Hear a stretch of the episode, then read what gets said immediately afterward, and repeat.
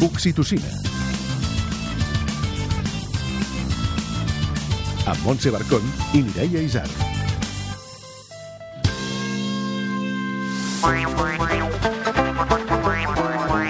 Recordeu quan veu aprendre a anar amb bicicleta? Qui us en va ensenyar? Amb quina bicicleta va ser?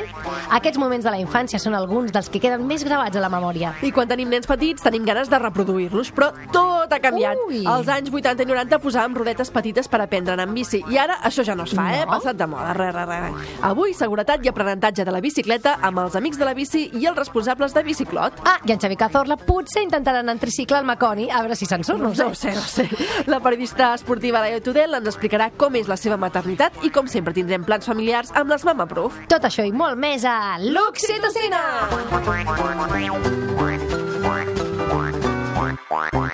Tu, tots, tothom.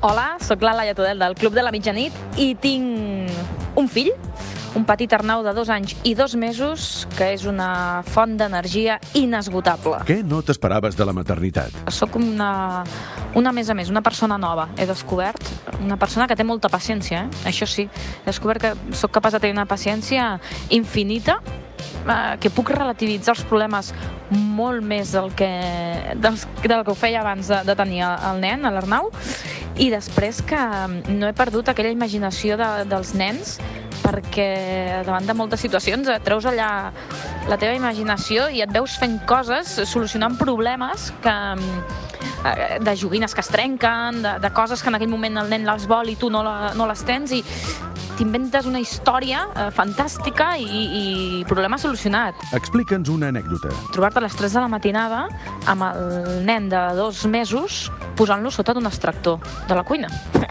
Perquè, clar, t'han dit que quan ploren molt, molt, molt, busques a internet desesperada a aquella hora i veus que els sorolls eh, blandos, blancos, ja no sé com es diuen, eh, van bé perquè callin. I et diuen entre ells, busques què és això, perquè no ho he sentit mai. Un extractor de la cuina i, i et veus allà, sortint de l'habitació amb el nen, portant-lo allà sota l'extractor de la cuina i dius, oh, calla, ha callat. I llavors en aquell moment eh, vaig veure la parella i vaig dir vaig començar a riure, perquè vaig dir, però què estem fent amb el nen sota l'extractor de la cuina?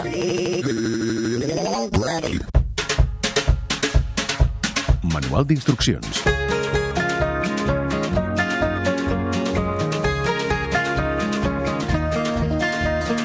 Com vau aprendre a anar amb bici? O qui us en va ensenyar i com era la bici que teníeu? Montse, contesta. Ui, jo, mira que et diria que diria que a dia d'avui encara no hi sé anar del Beto. Imagina't. Sí. A mi em va ensenyar el meu pare a la plaça Mercet de Sabadell i jo anava sempre contra l'únic arbre que hi havia a la plaça.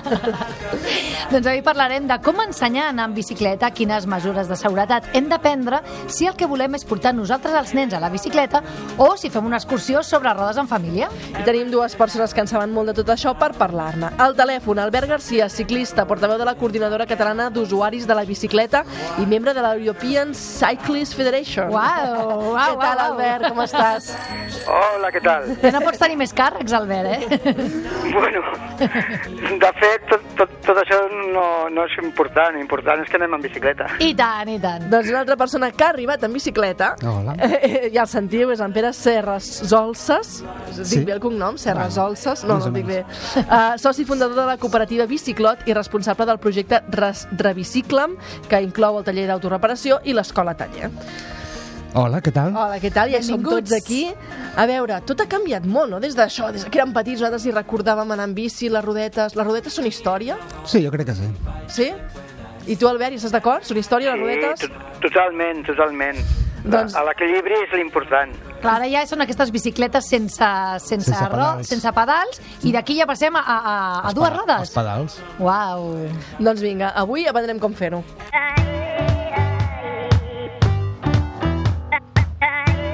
Well, it goes at my side, sing alive.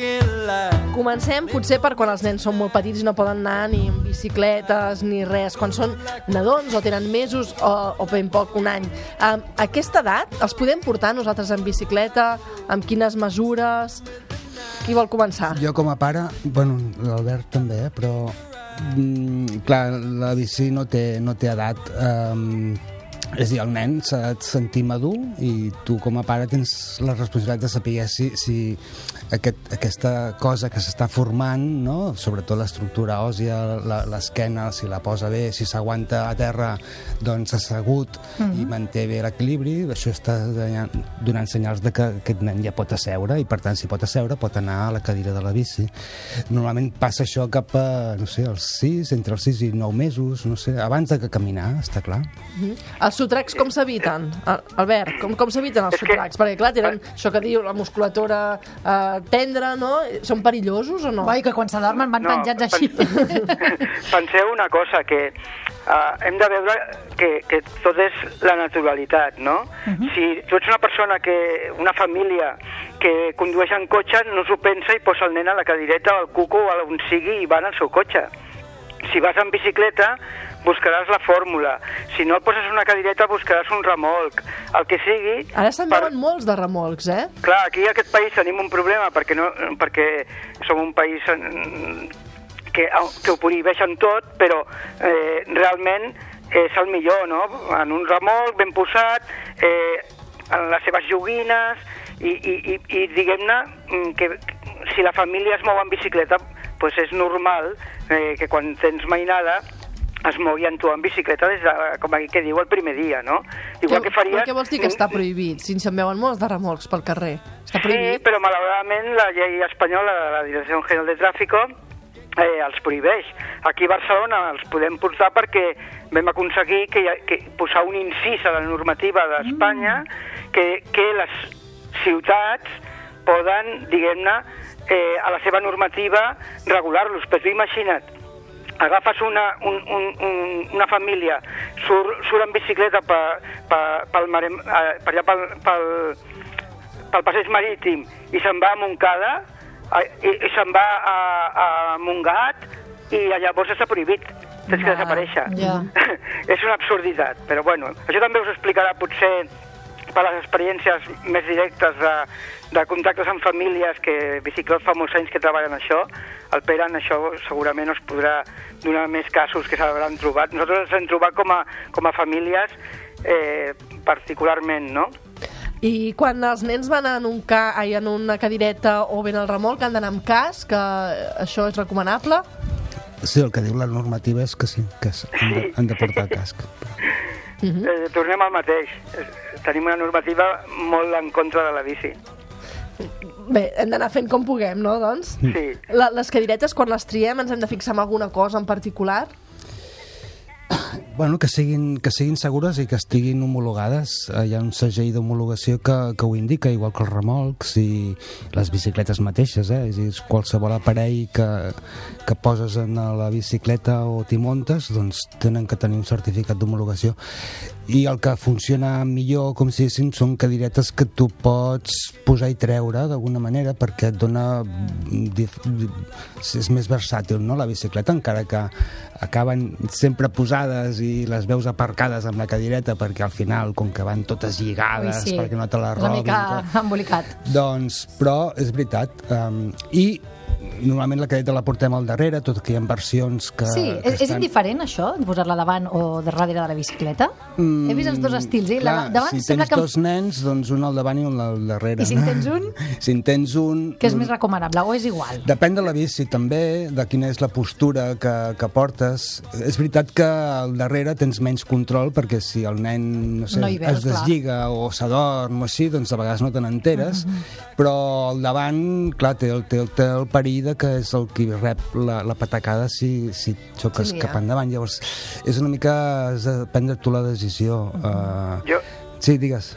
jo, jo penso una cosa, no? Eh, A l'experiència que d'haver tingut tres filles i que ja són grans i d'haver estat amb molts, moltes mainades en bici, l'experiència que, que rep un, una mainada quan la portes davant de la bicicleta, eh, tenim que pensar que no és el mateix veure't el cul que veure el paisatge i ser un, un conductor que està allà una conductora que, que, que agafa el manillar, que toca el timbre... Aquí el pare o la mare el que té que ser és responsable d'anar a poc a poc, d'anar tranquil. Vull dir, el perill està en que tu condueixis eh, la bicicleta com si no portessis el teu fill o la teva filla. Eh, simplement eh, però l'experiència per, per, per, jo penso, eh, i, i per el que m'han tr- traslladat les meves filles i, uh -huh. i altres nens i altres pares i mares, sabeu el que és allò de que tu la portes aquesta mainada en, als teus braços, com si, com si la portessis a coll, no? Vull dir, perquè està I allà la davant. portes a la bici, voltant pel món. I ara, Clar, efectivament. ara aprendrem a com ensenyar-los a anar de manera autònoma en bici.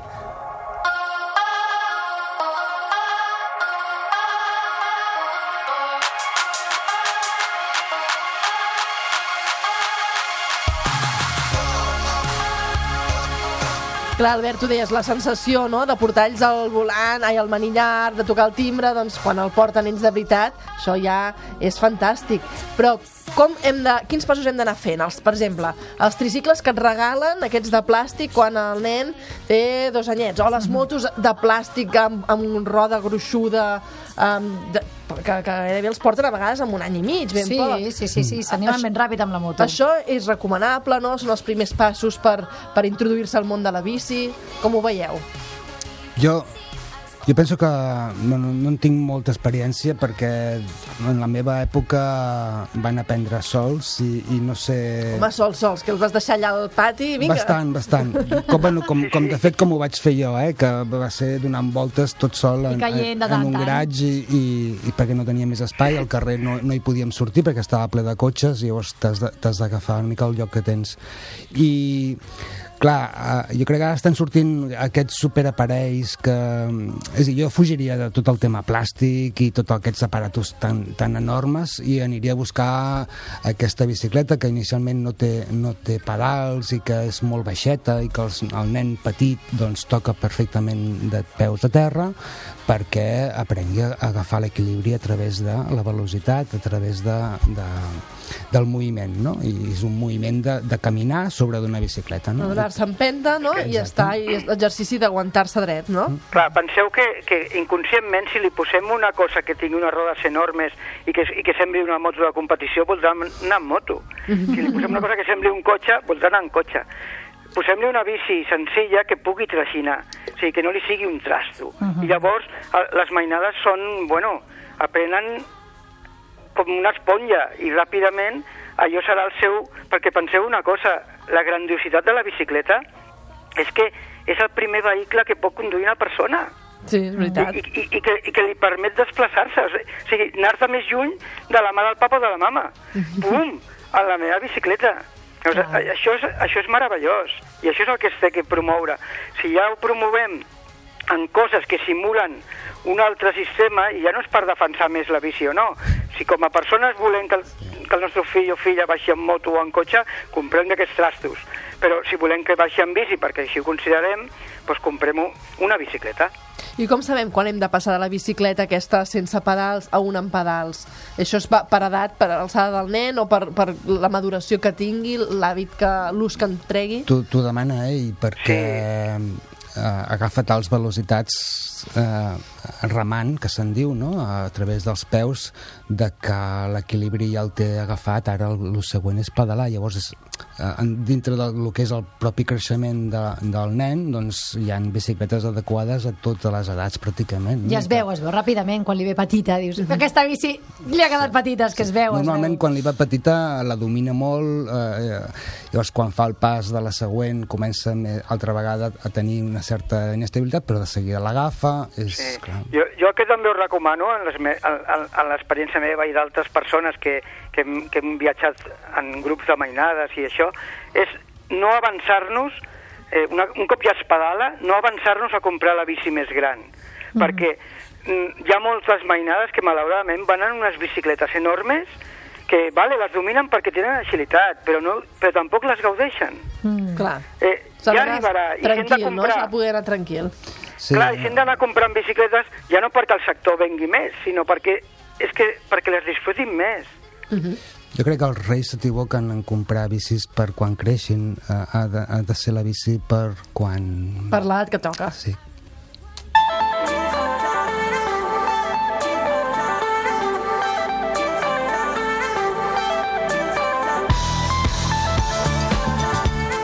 I per triar-la uh, val qualsevol bicicleta que trobem en una botiga de joguines que estigui bé de preu, o hem d'anar a una botiga especialitzada, uh, ens podem gastar pocs diners perquè total creixen ràpid i els hi dura poc, o hem d'intentar que sempre sigui una bona bicicleta que pesi poc, que, que, Ah, que, què ah, serien els punts? Ha de ser una bicicleta, no, no pot ser una joguina.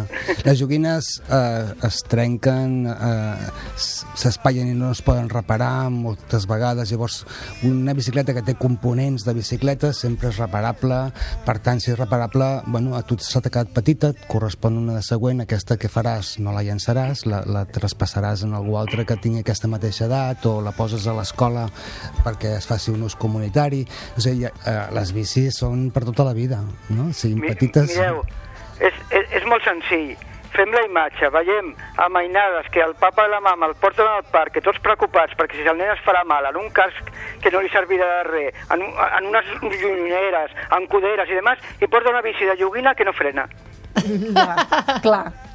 pues no, comprem una bici, com als països normals, una bicicleta que freni, que tingui les seves coses, i, i igual que el nen corre pel parc i es cau i es fa una rascada, pues se la farà en bicicleta, no passa res.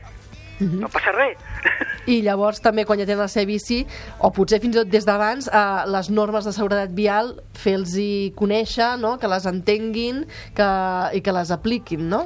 Vull dir que vosaltres al Biciclot treballeu molt amb escoles, vosaltres des de la Coordinadora Catalana d'Usuaris de la Bicicleta demaneu que, que també això s'integri dins de l'aula, no? aquests coneixements, vull dir que els dos eh, aposteu molt perquè això sigui una cosa molt coneguda pels Sí, nens.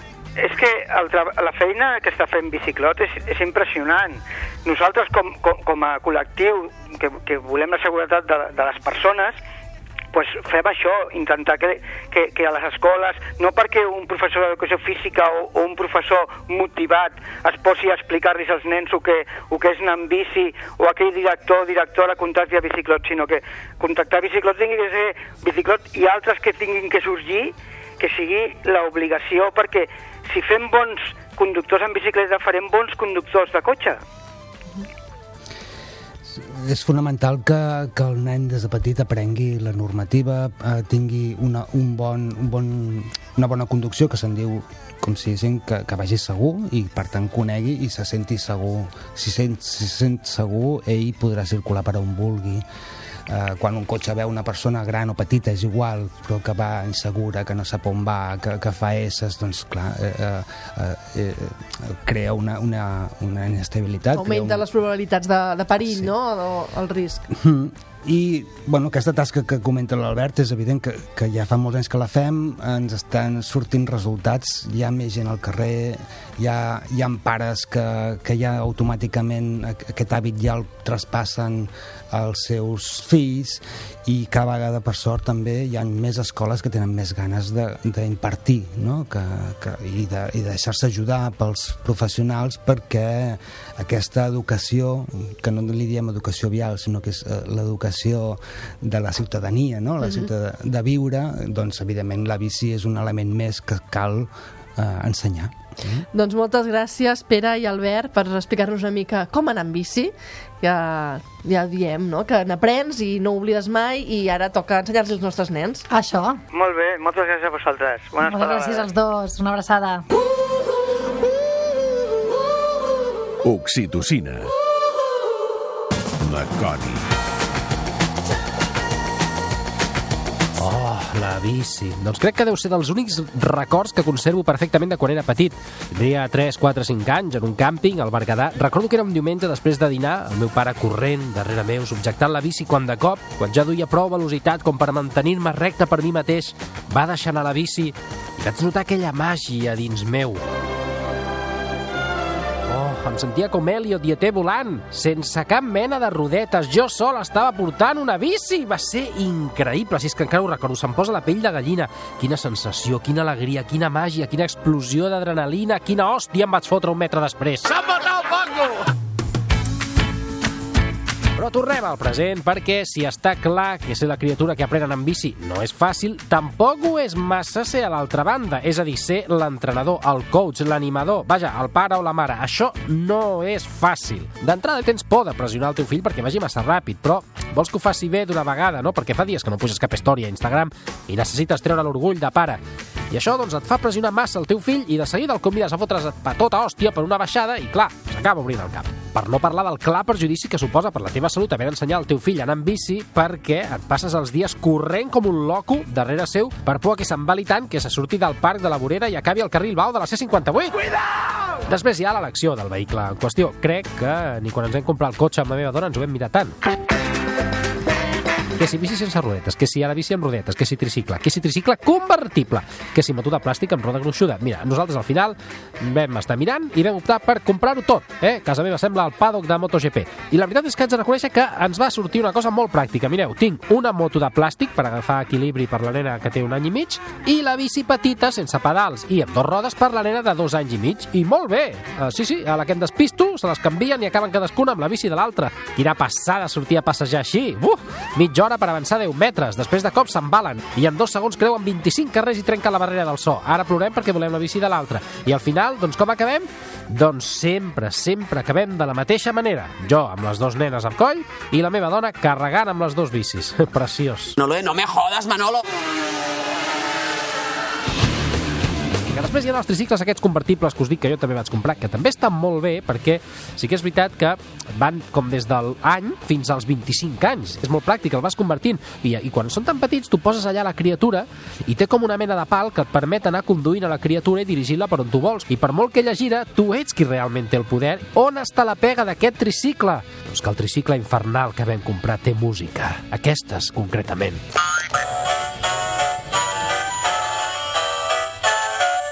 Oh, cadascun és pitjor que l'anterior. Oh!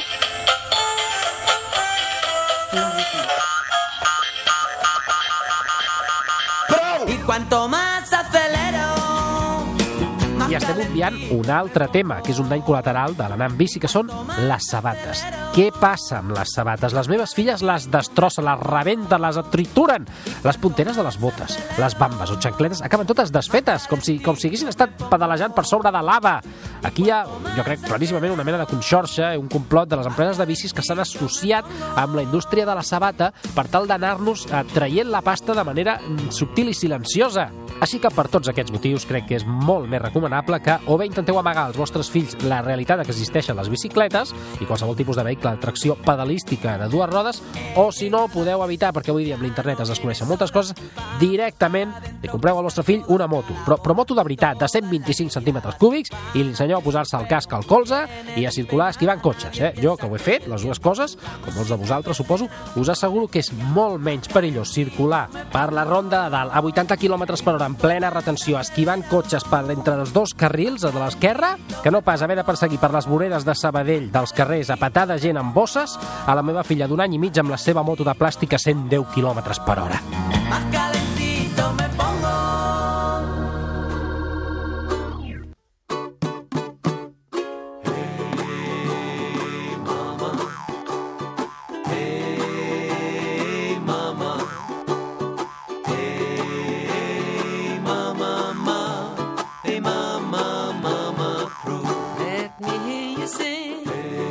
tallaria mai, eh, la cançó. No, la tallaria, però ho haig de fer, ho haig de fer. Perquè tenim aquí l'Alba Arnau de Mama Proof, que ens va explicar coses molt interessants. Alba, sempre, com estàs? sempre. Molt, molt interessants, molt xules. Què has de dir, no? Què ens portes avui? Avui us porto una proposta de museu, va. Mm, anem de museus. If you know people who know me, you might want them to speak. To tell you about. A quin, a quin museu ens portes, Alba? Mira, us porto a Cornellà, perquè sabeu aquelles preguntes que fan els nens que et quedes així com... Eh... Molta, Molta, sí, exacte. I és que hi ha coses que, que resulten superòbvies i que no ens plantegem fins que els petits ens demanen per elles, no? Com, per exemple, com arriba l'aigua a l'aixeta. Gran pregunta. Clang. Clang, mama, com arriba l'aigua a l'aixeta? I et quedes, ah, doncs per la tuberia, no? doncs mireu, fa molt poc vam visitar el Museu de les Aigües de la Fundació Akbar, que, que us recomano veure d'entrada ja només per la bona museïtzació que han fet del patrimoni industrial de, de Cornellà i perquè han sigut capaços de compaginar l'espai museístic amb les infraestructures necessàries per continuar fent funcionar la planta d'extracció d'aigua que encara avui dia està enviant aigua a la ciutat. Ah, o sigui, és un Déu-n'hi-do, museu, però encara... És, la veritat és que és molt xulo, eh? encara treuen aigua d'allà i, i s'envia a les tuberies de... S'envia cap al Coixerola i d'allà baixa cap a la ciutat. I, I enmig de tot això han posat el museu, eh, un espai per fer tallers, uh, molt, molt, molt, sobretot molt pensat per captar l'atenció dels nens. Um, si hi aneu, jo us proposo que abans us mireu les activitats familiars que fan, perquè estan molt ben treballades, sobretot per les edats. A l'hivern fan uh, activitats, sempre són en família, eh? sempre les heu de fer vosaltres amb els nens. Uh, això, a l'hivern hi ha tot un seguit d'activitats que us proposen perquè investigueu amb els vostres fills i filles les propietats de l'aigua. I a l'estiu, amigues, a l'estiu. Ara bé, Guerra no. d'aigua. Munten una ludoteca superguapa d'aigua fora a, a l'exterior de, del museu, que és xulíssima, que és que, eh, bueno, jo estic desitjant ja que arribi la, que arribi la temporada d'estiu perquè jo no sé els meus nens, però jo m'ho passaré pipa. Ah, que bo. Sí, no són globus d'aigua, no. No, eh? no, no, no, no, són tot d'estructures perquè els nens montin l'aigua, perquè vagi per aquí, per allà, doncs, bueno, perquè esbrinin com arriba l'aigua a l'aixeta de casa. I doncs, t'ho expliquin a tu. Que m'ho expliquin a mi. Jo els ajudaré a muntar l'estructura. Molt bé. Ah, una última coseta. Aquest museu està perfectament connectat amb la ciutat de, de Barcelona i amb l'estació de Sants amb transport públic. Així que us animo, a, tot i que tenen un aparcament molt maco, molt, molt bonic i molt enganxat al, al museu, jo us animo a fer servir el tram, el metro o el bus per arribar-hi. I el trobareu a la carretera de Sant Boi, eh, número 46. Carretera de Sant Boi, però és Cornellà, Cornellà, eh? Val, val, Cornellà, Cornellà. Fantàstic. Que quedi clar, eh? Cornellà, Cornellà. Moltes gràcies, Alba.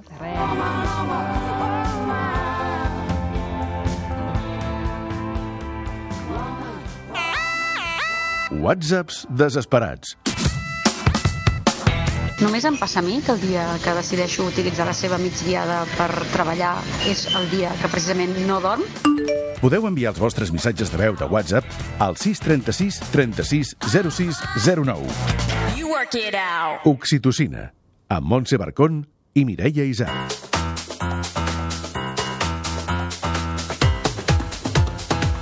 El culturista. Doncs ja tornem a tenir aquí la Laia Falcón, de la revista El Culturista. Com estàs? Hola, bon dia. Molt bé.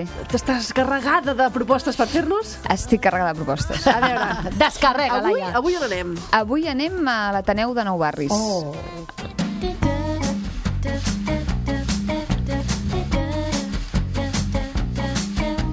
Ateneu de Nou Barris, a Barcelona, què hi trobarem? A l'Ateneu de Nou Barris de, eh, es coneix bastant, o s'ha fet molt popular per la celebració que fan cada any, eh, entre el desembre i el gener, des del 1996, del Circ d'hivern, que és una proposta, proposta que van engegar ells eh, per fer, diguem, mm, propostes inèdites de- del món del circ que no tenen possibilitats de- d'exhibir-se a altres llocs. Sí, hi ha pocs espais regulars, Exacte. no?, per veure circ. Sí, I, i ofereixen una programació de, de molta qualitat, és una oferta pública, participen diferents companyies i fan tot l'assaig eh, fins l'estrena al mateix lloc, a l'Ateneu de Nou Barris. Mm. Però a part d'això, l'Ateneu de Nou Barris és un, un centre sociocultural que és autogestionat o més aviat eh, gestionat comunitàriament entre els barris de Roquetes i la Trinitat i, i amb, una, amb una programació molt sòlida d'activitats entorn del circ per, per nanos, o sigui, per nens i nenes.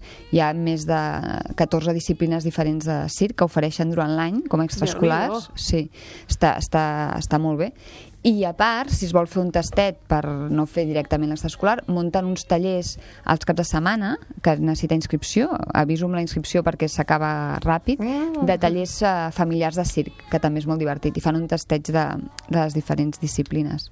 És un, un lloc molt bonic, hi ha la carpa eh, muntada permanent, eh, i, bueno, hi ha part bar i aquestes coses que ens agrada tant quan anem amb, amb la família. I estan molt bé la, els espectacles del Circ d'hivern, eh? ho hem de dir. Sí. Doncs perfecte, si no el coneixíeu, doncs apunteu. Ateneu eh, Popular de Nou Barris. Exacte.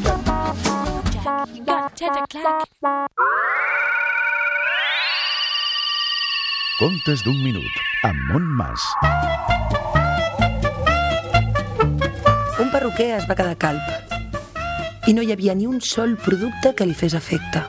Amagava el seu cap calp sota una perruca i estava trist, molt trist, tant que la seva dona va pensar que potser provant amb l'adob de les plantes funcionaria. I sense que ell ho sapigués, hi va posar una etiqueta. I sense que ell ho sapigués, cada, cada nit li demanava que se'n fregués una miqueta. I així, al cap d'una setmana, al perruquer li va créixer una gran, gran, gran gespa al damunt del seu cap. Va ser l'enveja de tots els calps. però també de tots els veïns i de totes les veïnes que s'arremolinaven al davant de la seva perruqueria per aconseguir aquella herba fresca que ell tenia al seu cap. Us haig de dir que això només funcionava amb els calps de veritat. Els altres havien de posar-se gespa artificial, però ja sabeu que no és el mateix.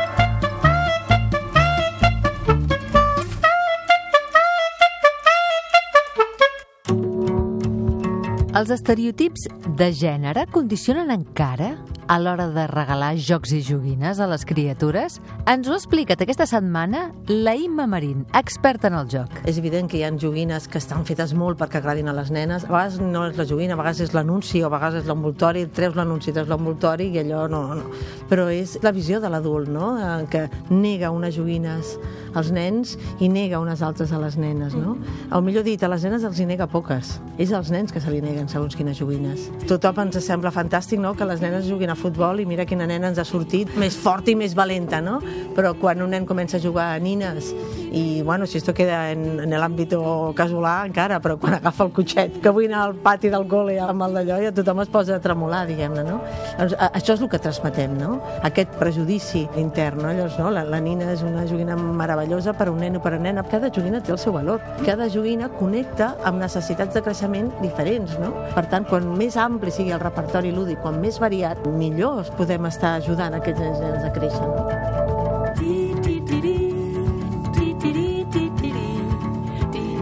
Un consell per acabar. A veure, mares i pares que sereu aviat pares i mares o que ho acabeu de ser, sobretot, molta paciència, sobretot, no feu plans tranquils, els plans no existeixen, planificar és una utopia quan acabes de tenir un nen, i, per mi, el més important, no us angoixeu amb... ah, Hem, hem d'estimular els nens. Que si hem de comprar aquesta joguina, que és de fusta, llavors té un tacte especial, perquè així l'estimules, apuntem-lo a estimulació musical, a, a natació, que també va bé per no sé què, portem-lo a titelles, portem... No, perquè els nens, en realitat, quan millor estan i el que volen és estar amb els pares i ells eh, són feliços passant-se encara que sigui tancat a casa tota una tarda, però mentre sigui amb els pares i jugant amb el que sigui, amb coses que tens a casa, doncs amb això són mol- molt més feliços que si els comences a portar aquí i allà, vinga, som-hi al cotxet, ràpid, vinga, no volen tantes presses ni tanta cosa, els nens volen estar amb la seva mare, amb el seu pare o amb la seva iaia i,